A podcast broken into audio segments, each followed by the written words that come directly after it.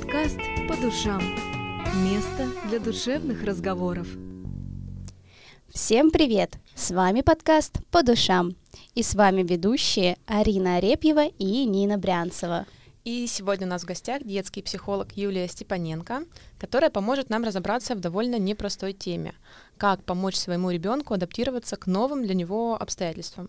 Ну, будь то смена коллектива, может быть, развод родителей, когда он переезжает жить uh-huh. к другому кому-то, или переход, например, на другой язык образования. Тоже острая тема. Да, достаточно. то есть ну, э, угу. резкие изменения в жизни ребенка, как родитель вообще может помочь адаптироваться угу. э, ребенку, э, как самому родителю тоже ну, адаптироваться да, к, к этим готовым, скажем так, да. новым условиям, угу. да. И в этом нам сегодня поможет Юля. Здравствуйте.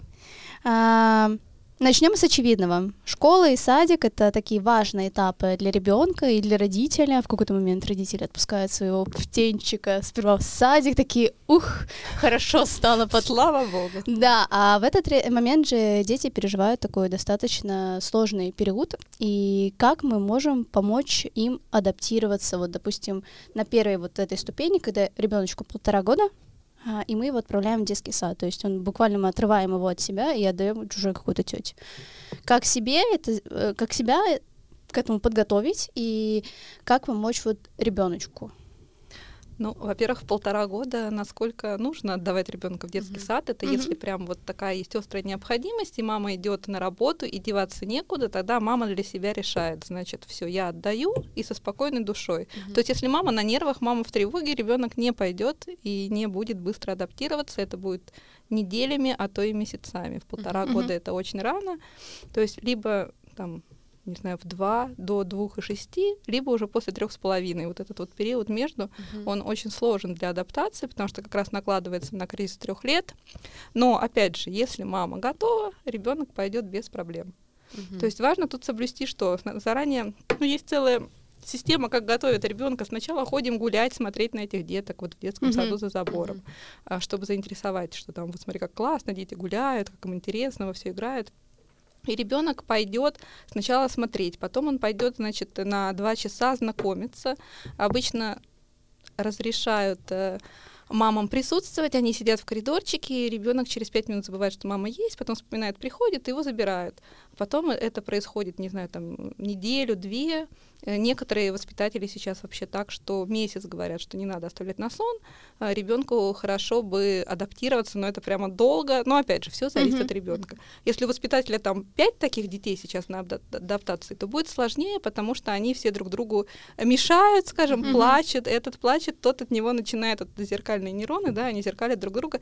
Если у всех все хорошо, там пять детей, ну, 25 детей радуются, то 26 тоже придет и будет радостно. Если 25 детей плачут, то этот 26 э, тоже будет плакать. А, но если мама готова, я повторюсь, да, то ребенку будет mm-hmm. проще. Опять же, если водит папа, а, есть такая история, как называется э, правило одной сигареты. Ага. Папа приводит, уходит, смотрит, насколько он там орет, и спокойно уходит. Мама так не может. Мама будет нервничать, переживать, и будет там под окнами рыдать, и нервничать, стоять и ждать, когда же ее чада отдадут любимые. А вот если есть возможность водить папам, я всегда за этот вариант. Во, вот это, кстати, хороший Хорошая совет. хитрость, да.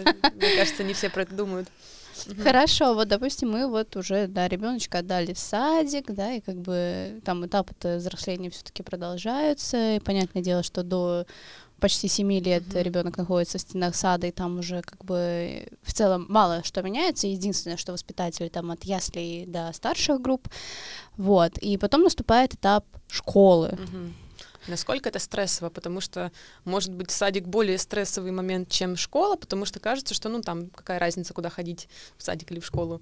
Или это все таки Школа моя любимая uh-huh. тема. Я вот сейчас собиралась к вам на подкаст, и пока пила кофе, листала uh-huh. ленту Фейсбука, и мне попалась такая интересная объявление. Uh-huh. Вот это репетиторы в Таллине, и там, значит, девушка ищет для своего ребенка четырех с половиной лет репетитора по чтению. Ого. А, да.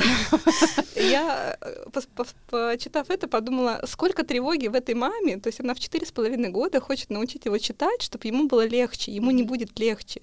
А, у ребенка ведущая деятельность до семи лет это игра. И когда его с трех лет готовят к школе, то есть каждый год он с трех до семи лет ходит на подготовку к школе школе делает одно и то же.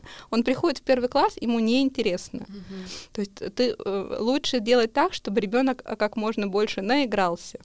Э, читать, ради бога, читайте дома, не надо ему репетиторов четыре с половиной года, что он будет дальше делать. И вопрос, зачем? Ну, то есть вот научит его читать, дальше что? В школу в пять лет.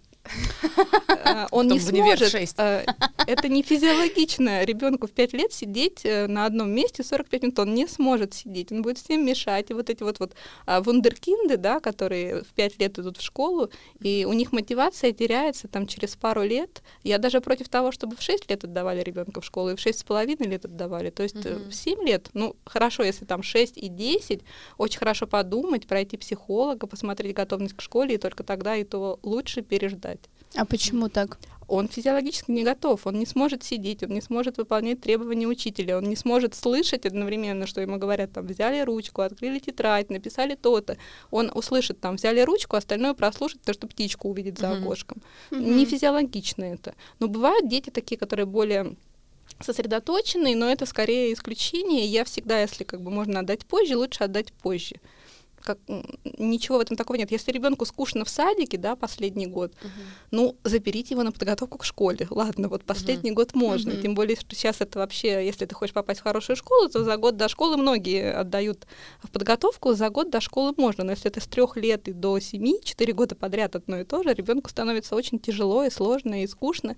И он первый год начинает уже, ой, я это все знаю, это я все знаю, я не буду там вникать, потому что это и так все понятно. Uh-huh. А и он не научится. А во втором классе он придет, этого он уже не знает там или в третьем. Uh-huh. А уже он не научился, уже он отвлекся, уже он забыл, как это правильно учиться, и ему уже не интересно. Угу. Слушай, такой момент. А, некоторые родители же не ну, решают, что лучше пускай он дома посидит и сразу в школу, без садика. Насколько Во, это кстати, правильный вопрос. вариант? Потому что, ну, кто-то говорит, это социализация, кто-то говорит, что да ладно, какая разница, все равно. Кто-то говорит, это система. Ну, да. А, насколько сложно потом будет ребенку без садика адаптироваться именно к коллективу, может быть, каким-то таким социальным вещам в школе в первом классе? И вообще, насколько нужен садик? Угу. Садик нужен маме, я всегда это говорю. Угу. Детям садик не так сильно нужен. А что касается социализации, ситуации, если мама коммуникабельная, водит с ним, не знаю, на площадку его uh-huh. играть, еще куда-то, у них куча друзей, к ним все время кто-то приходит в дом, и он учится коммуницировать с детьми и такого возраста, и такого возраста, это то же самое, что он uh-huh. бы ходил в садик. Бывают дети, которые в садике, им скучно, они сидят одни, ни с кем не общаются, и какая там социализация. Ну, научат там его одновременно со всеми на горшок ходить, не знаю, спать в кровати. Ну, насколько это нужно? Неужели этому нельзя научить дома? Если есть необходимость отдавать в садик, если мама устала, тогда да, для того, чтобы маме было спокойнее. Mm. Аргумент. Интересно, да, потому что кто-то говорит, нет, если я сейчас не отдам в садик, потом он не сможет. Это тоже тревожность, наверное, да, у мамы. Конечно, я угу. думаю, что у каждого из вас, наверное, тоже в классе были дети, которые не ходили в садик. Во ну, всяком случае, у меня вот были угу. такие, да, и они прекрасно ну, вроде, да, вливались в коллектив, и никак это на них не отразилось. Угу. То есть есть дети, которые в садике просто, как они говорят, не садиковские дети. Угу. А на самом деле чаще всего это тревожная мама, которая не готова его отпустить, но он ходит, потому что надо. А надо кому? Надо, ну, ну вроде как обществу. Угу. Угу. Это личное решение каждого родителя. Ну, получается тогда, что в целом мы можем пропустить вот этот этап а, адаптации. Ну, то есть можно ли тогда дозированно как-то отдавать в садик, что если, допустим, у мамы есть возможность работы с дома, а, и мы решаем, что в целом-то можно в садик не водить, но в какие-то дни мы его будем туда закидывать. Ну нет, это как будто бы такой чемоданчик без ручки, ты решила вот тут э, вдруг э, отвезти в садик. Если э, принято решение водить, значит, водим. Но если прямо хочется и жалко, то я обычно рекомендую, можно ходить понедельник, вторник, среду делать выходную, четверг, пятница опять ходить. И ребенку спокойнее, и мама не будет так переживать, что некоторые мамы думают, что все, я сдал ребенка, значит, расписался в своей беспомощности и не занимаюсь им, а нужно развивать активно, водить по музеям, как же без этого ребенок выживет? Ой, я, кстати, тоже очень много таких историй слышала, что вот когда мамочки отдают деток в садик, то они потом себя очень сильно ругают за это, mm-hmm. что типа, да, не занимаются ими, ничего. А я думаю, ну, девушки, у вас, помимо того, что, ну, вы же не просто тогда ребенка сдаете в детский сад, сад, потому что вам надо работать. Сдаем ребенка читаем. Да, потому что нам надо работать, да, то есть а помимо работы есть еще домашние дела. А, и то есть мы просыпаемся утром, отводим ребеночка в детский сад. А, после этого мы отправляемся сразу на работу. После работы мы забираем ребенка, приходим домой, нам еще надо весь дом убрать. И нам уже немножко не до ребенка, да, да, и как его срочно развивать не получается, и он как-то сам. А еще есть такое, что ребенок в садике, любой ребенок, он вынужден себя в садике вести хорошо, потому что там есть э, какой-никакой распорядок дня, и если он там слишком сильно будет э, активничать, его тут же скажут, что потише, спокойнее, и он приходит домой и там расслабляется, да. бегает по стенам, по диванам, все швыряет, и мама просто в ужасе, потому что, боже мой, что вы сделали с моим ребенком, верните обратно моего прекрасного там Андрюшу Кирюшу. И что вообще происходит? И думает, что виноват садик, виноват не садик, виновато то, что ему нужно куда-то выплескивать эту энергию. И надо ему это разрешать. Угу. Тут мы опять же про эмоции. Эмоции, любые эмоции ребенку, взрослому нужно экологично проживать. Потому что, например, многие родители считают, что дети не должны видеть, что ты расстроен, там, что у тебя что-то не получается, mm-hmm. что ты грустишь. Mm-hmm. То есть надевают маску всегда, и всегда мама должна только улыбаться. Я даже встречаю в своей практике э, мам, которые говорят, у нас дома нельзя расстраиваться, ты должен быть всегда в хорошем настроении. А почему ты должен быть в хорошем настроении? Mm-hmm. Ты имеешь право на любые эмоции. Это у меня брат, ему сейчас 10, вот э, Иногда, да, он там расстраивается, что ему не купили какую-то игрушку очередную, и все, у него настроение упало, и мама спрашивает, что случилось-то? Все же нормально было. Говорит, ну подумаешь, не купили тебе эту очередную игрушку, у тебя дома это целая куча. И он мне тут выдает я что, не имею права расстраиваться? Я такая, опачки. Ну да, тут еще видишь, что такая реакция, что вот, ну подумаешь, да, а тут важно ребенку отзеркалить, что ты расстроился, мама не купила тебе игрушку, ты так хотел эту игрушку, и ему важно уже то, что ты вот это вот приняла, что да, он да, может да, да. вот это вот расстраиваться и быть грустным от того, что ему что-то не купили. Может быть, ему эта 58-я машинка и не нужна, просто вот он увидел, у него такой порыв, что uh-huh. купить нужно. И если вдруг там э, часто бывает ребенок в истерике в магазине, с этими машинками, и мама говорит, зачем тебе эта машинка, и готова купить, лишь бы там он не орал, uh-huh. да, и вот это прям такой не очень правильный подход, так делать не нужно, э, нужно отзеркаливать ребенка и говорить, что да, ты сейчас расстроен, да, ты хотел эту там 58-ю машинку, э, мы не планировали покупать тебе, но опять же, вот мы не планировали, да, если вы идете с ребенком в магазин и вы покупаете себе то, что вы хотите, логично, что ребенок тоже что-то захочет, да, значит, да, договориться да. с ним на берегу, что, например, там, э, что ты сегодня хочешь для себя купить, не знаю, шоколадку, сырочек, еще что-то, либо ходить без ребенка, да, чтобы да. избежать вот таких вот ситуаций. Но покупать вот э, бездумно каждый раз ему эти машинки это путь в никуда. Согласна. А, но у нас есть еще одна ва- важная тема, которая у всех а, на языке. Угу. А, Переходим к школе, так. Да, то есть мы, мы перешли от садиков а, к школе, и если там, допустим, еще в этом году, может быть, как-то было поспокойнее а, идти в школу, то на носу сейчас полный переход на эстонский язык.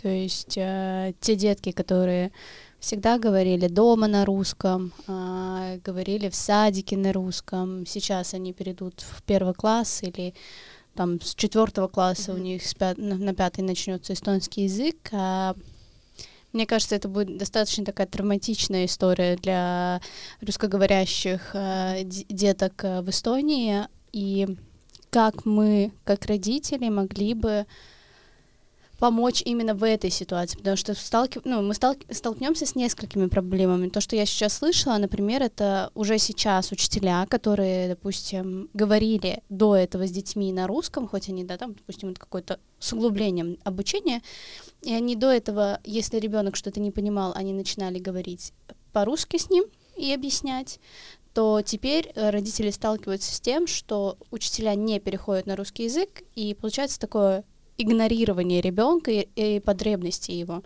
То есть давайте попробуем разобраться, что нам делать в этих ситуациях. Ну, то есть, что родитель может сделать? Понятное дело, что мы поменять сейчас что-то вот в глобальном плане не можем, оно уже случилось. Но вот каждый родитель хочет как-то смягчить вот эти все вещи как-то. Может быть, э, не так страшен черт, может быть, даже где-то родители драматизируют. Например, если ребенок уже знал эстонский и, в принципе, как бы ну, справляется более или менее как-то.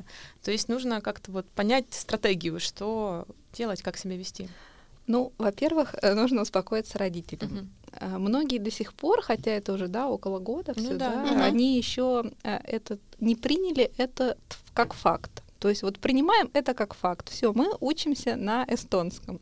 А, в чем проблема? Первый класс, да, оценок не ставят с первого по третий класс. В большинстве школ, насколько я знаю, да, не ставят.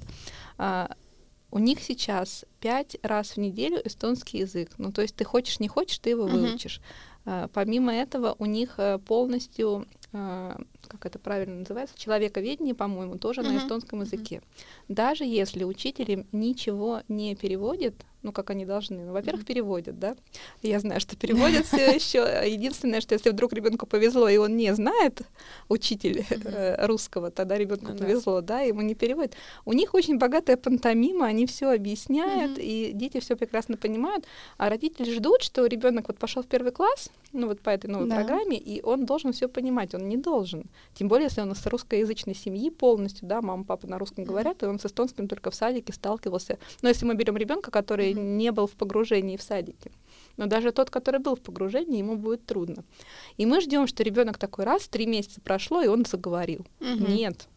А, он, а, значит, вот этот вот а, пассивный словарный запас накапливает эстонских слов до полутора лет. То есть угу. может, полтора года может вообще ничего не говорить. Не нужно этого бояться, не нужно бежать и нанимать ему пять репетиторов. Потому что в таком режиме, как сейчас, если эстонский пять раз в неделю, но они его хотят, не хотят, они его выучат. Uh-huh. И я, если честно, очень поддерживаю то, что сейчас это ввели, потому что если, ну, хорошо было бы, если все это было постепенно, uh-huh. да, и раньше начинали да, потихонечку, да, да, да. и не было бы таких проблем, ну, как бы вы живете в Эстонии, в Эстонии uh-huh. эстонский язык, все логично. И чем раньше ребенок начнет в него погружаться, тем всем будет легче. Угу. Тут важно успокоиться, просто сесть на руки себе и не мешать. И не пытаться причинять добро, не пытаться с ним делать эти бесконечные уроки. Да, помогать. Например, если он пришел, мама, я ничего не понимаю, ну, что именно ты не понимаешь, давай вместе разберемся. Не делать за него ни в коем случае, а просто сесть рядом. Скорее всего, ребенок сам все сделает, просто ему нужна поддержка. А, что слышат дети вокруг?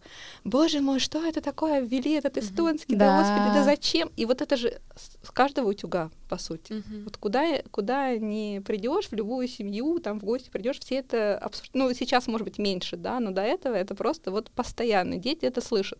Не надо, чтобы дети это слышали. Дети угу. должны слышать, о, как здорово, ты живешь в Эстонии, ты будешь знать эстонский да, язык. Да, да, да. Это, и если мама с папой будут в этом поддерживать, и бабушки, а, если есть вариант, например, что в русскоязычной семье кто-то из родителей хорошо владеет эстонским языком, он может начать говорить с ребенком по-эстонски, если это комфортно, да. Угу. Это тоже немножко поможет, но это не обязательно. Угу. Угу. Слушай, а такой момент, некоторые родители боятся, что вот успеваемость падает, и что делать? Э, стараться как-то мотивировать ребенка, типа, как это так получил тройку? Какой класс? А, ну, какой? Ну, допустим, вот я живой пример. Вот у меня Тёма, мой брат, четвертый класс сейчас. И у него упала успеваемость. Сейчас э, пока нет. Ну вот пойдет, у них сейчас еще показ с погружением просто, mm-hmm. а пятый класс, я так понимаю, они уже все на эстонский полностью перейдут. Это ну, еще ну... целый год. Mm-hmm. Сесть на руки и не мешать. Ну, это вопрос от нашей коллеги, на самом деле, был. Да. Сколько лет ребенку? А, третий класс. То же самое. Сесть на руки, не мешать, поддерживать. Ты молодец, у тебя все получится. Замечать э, любой, э, пускай там на полбалла ему сказали лучше, там написали, что ты сегодня молодец. Обязательно это отметить, что посмотри, тебе написали, значит, я стала лучше получаться. Если он говорит, все, ничего не могу, ничего не получается, что именно не получается? Вот покажи, давай сядем разберемся. Не надо ему сразу бежать нанимать репетитора, потому что у ребенка и так такая нагрузка. Лучше пойдите с ним в футбол поиграйте после уроков. Опять же, они делают уроки по три часа, и у них совершенно не остается времени на отдых. Ну да, Пускай что-то не сделает. Кстати, может быть, не все знают, но в первом классе не должны сдавать домашние задания. Если что-то ребенок там приходит дома доделывает, uh-huh. это значит, э, что-то он там не успел в школе. Они не должны делать уроки в первом классе. Uh-huh. Интересный факт. Угу. у нас задавали, я помню, чем. Ну, может быть, тогда было можно. Ну, это сколько, четыре года назад? Ну, вот, скорее всего, он что-то там не успевал доделать. Ну да, да, да. Такой себе. То есть с оценками не наседать как-то вообще ну, не Оценки до четвертого класса не ставят, они ставят вот это устное оценивание. До четвертого класса не ставят оценки? Ну, насколько я знаю, во всяком случае, в некоторых школах, про которые знаю я, не ставят. Ставят словесно оценивая, там, хорошо, плохо, так себе. А, а вот. у нас ставят.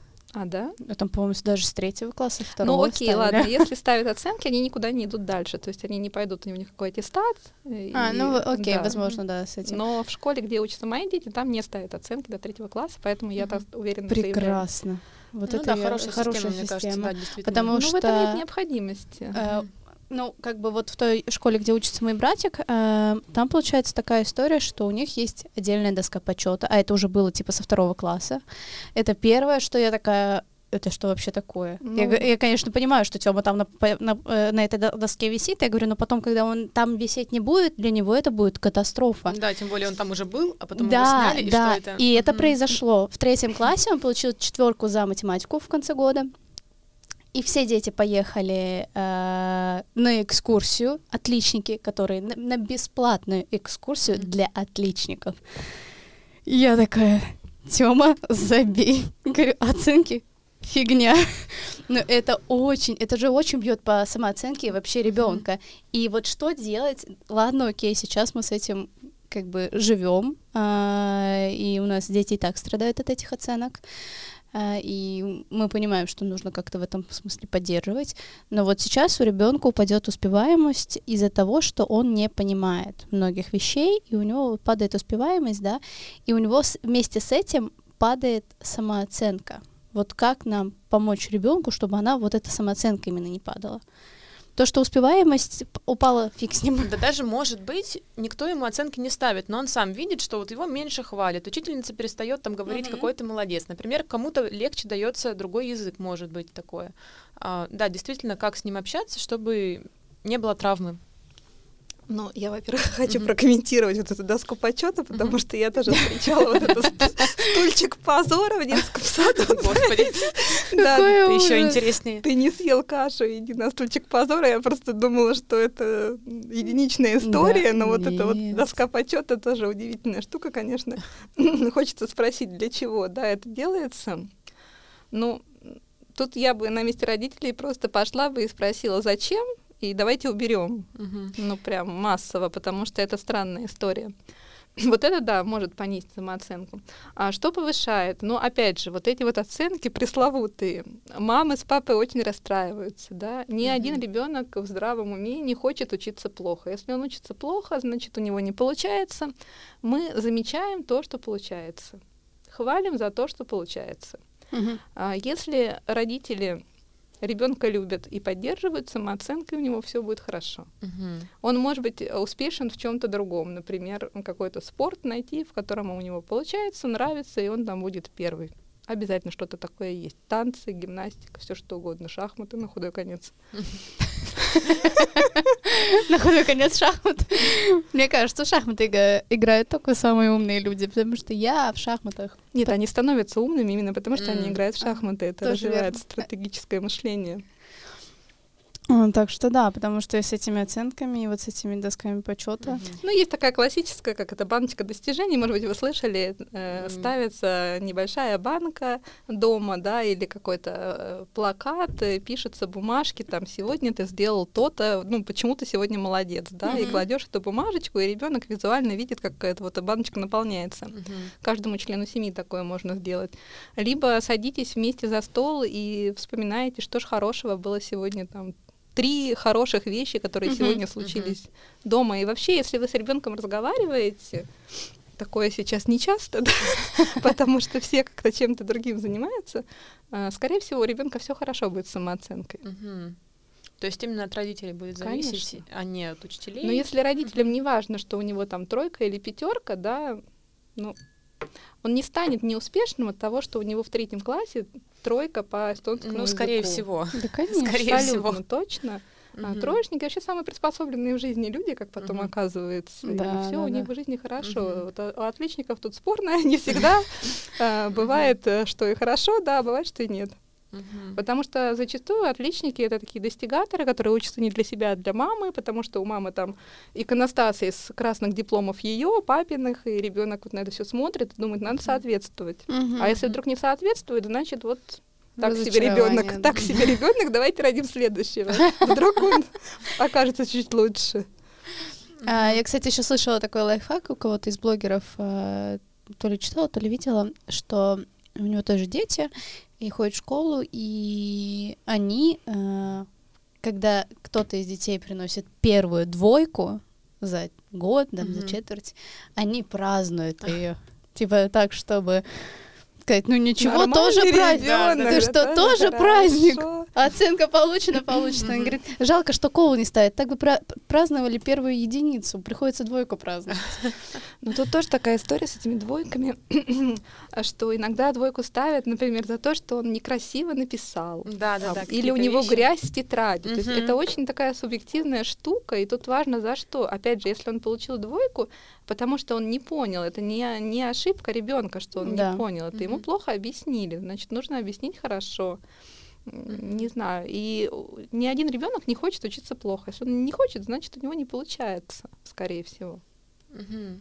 Ну, то есть некоторые говорят, что вот, если мы не будем придавать такое значимое какое-то место оценкам, значит, у него не будет мотивации. Он будет думать, да зачем я буду учиться, типа, родителям Да, все вот, равно, кстати. и как бы зачем Как бы не перег... как Да, не можно ли здесь перегнуть как-то? Можно перегнуть, Мгм. да. Мотивация такая история, ее на самом деле очень сложно найти. Вот действительно, Мгм. когда там мой ребенок в шестом классе приходит и спрашивает, мама, зачем мне учиться? Вот где мне это в жизни Мгм. пригодится? И я впадаю в такой стопор, потому что я думаю, действительно, вот где ему могут вот эти вот дроби пригодиться? И мы с ним начинаем гуглить где ему могут пригодиться эти дроби, потому что у меня нет ответа на этот вопрос.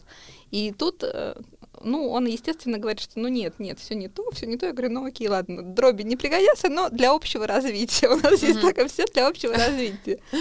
Ну, мотивацию ее не прицепишь ребенку, она как бы вот какая-то внутренняя должна появиться сама собой. Э, Ему важно будет самому э, учиться не хуже, чем все остальные в М, классе, мгм. потому что Это, никто не кстати, да. хочет быть отстающим. Так или иначе, он будет стараться. И Мгм. даже если вроде бы ему все равно, но его тут похвалили, например, Мгм. где-нибудь там за эстонский язык, у него прямо крылья вырастают, какой он молодец. А у нас же в основном а, внимание на то, что плохо, а не на то, что хорошо. Мгм. Ну, то есть тут тоже посыл, наверное, к учителям, чтобы они больше хвалили и меньше ругали.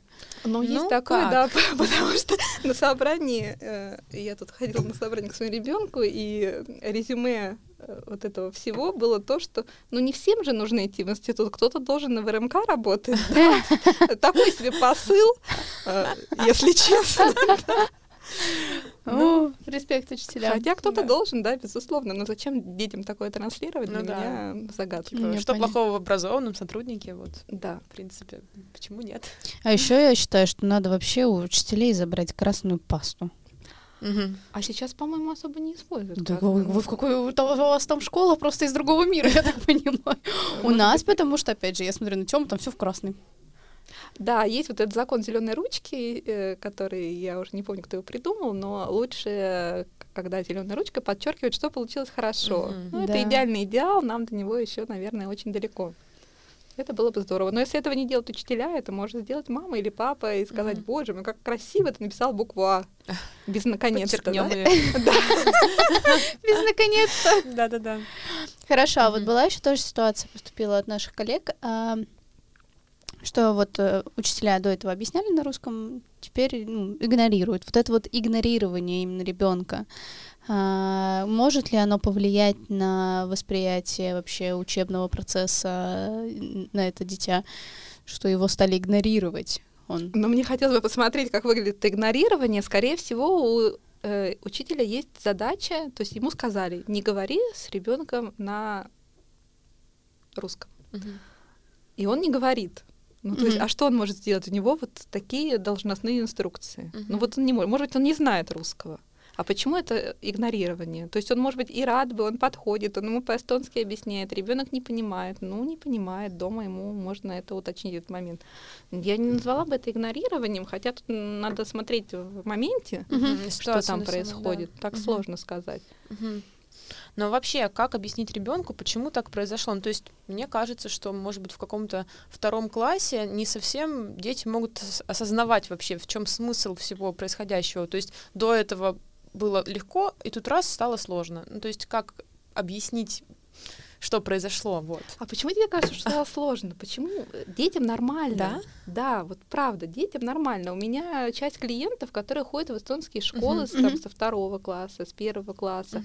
Да, им трудно. То есть, ну, они справляются, Понятно, Мгм. что будет трудно, а они, если особенно первый класс, у них нет другого опыта, то есть они пришли, вот Мгм. трудно, вот такая школа, Мгм. вообще не проблема. Мгм. Тем более, что э, там как раз очень хвалят, что вот ты молодец, у тебя получилось. Там никто не требует, чтобы он тебя первый год прям разговаривал на Мгм, эстонском. мгм. Нет, потому что ну, не может он.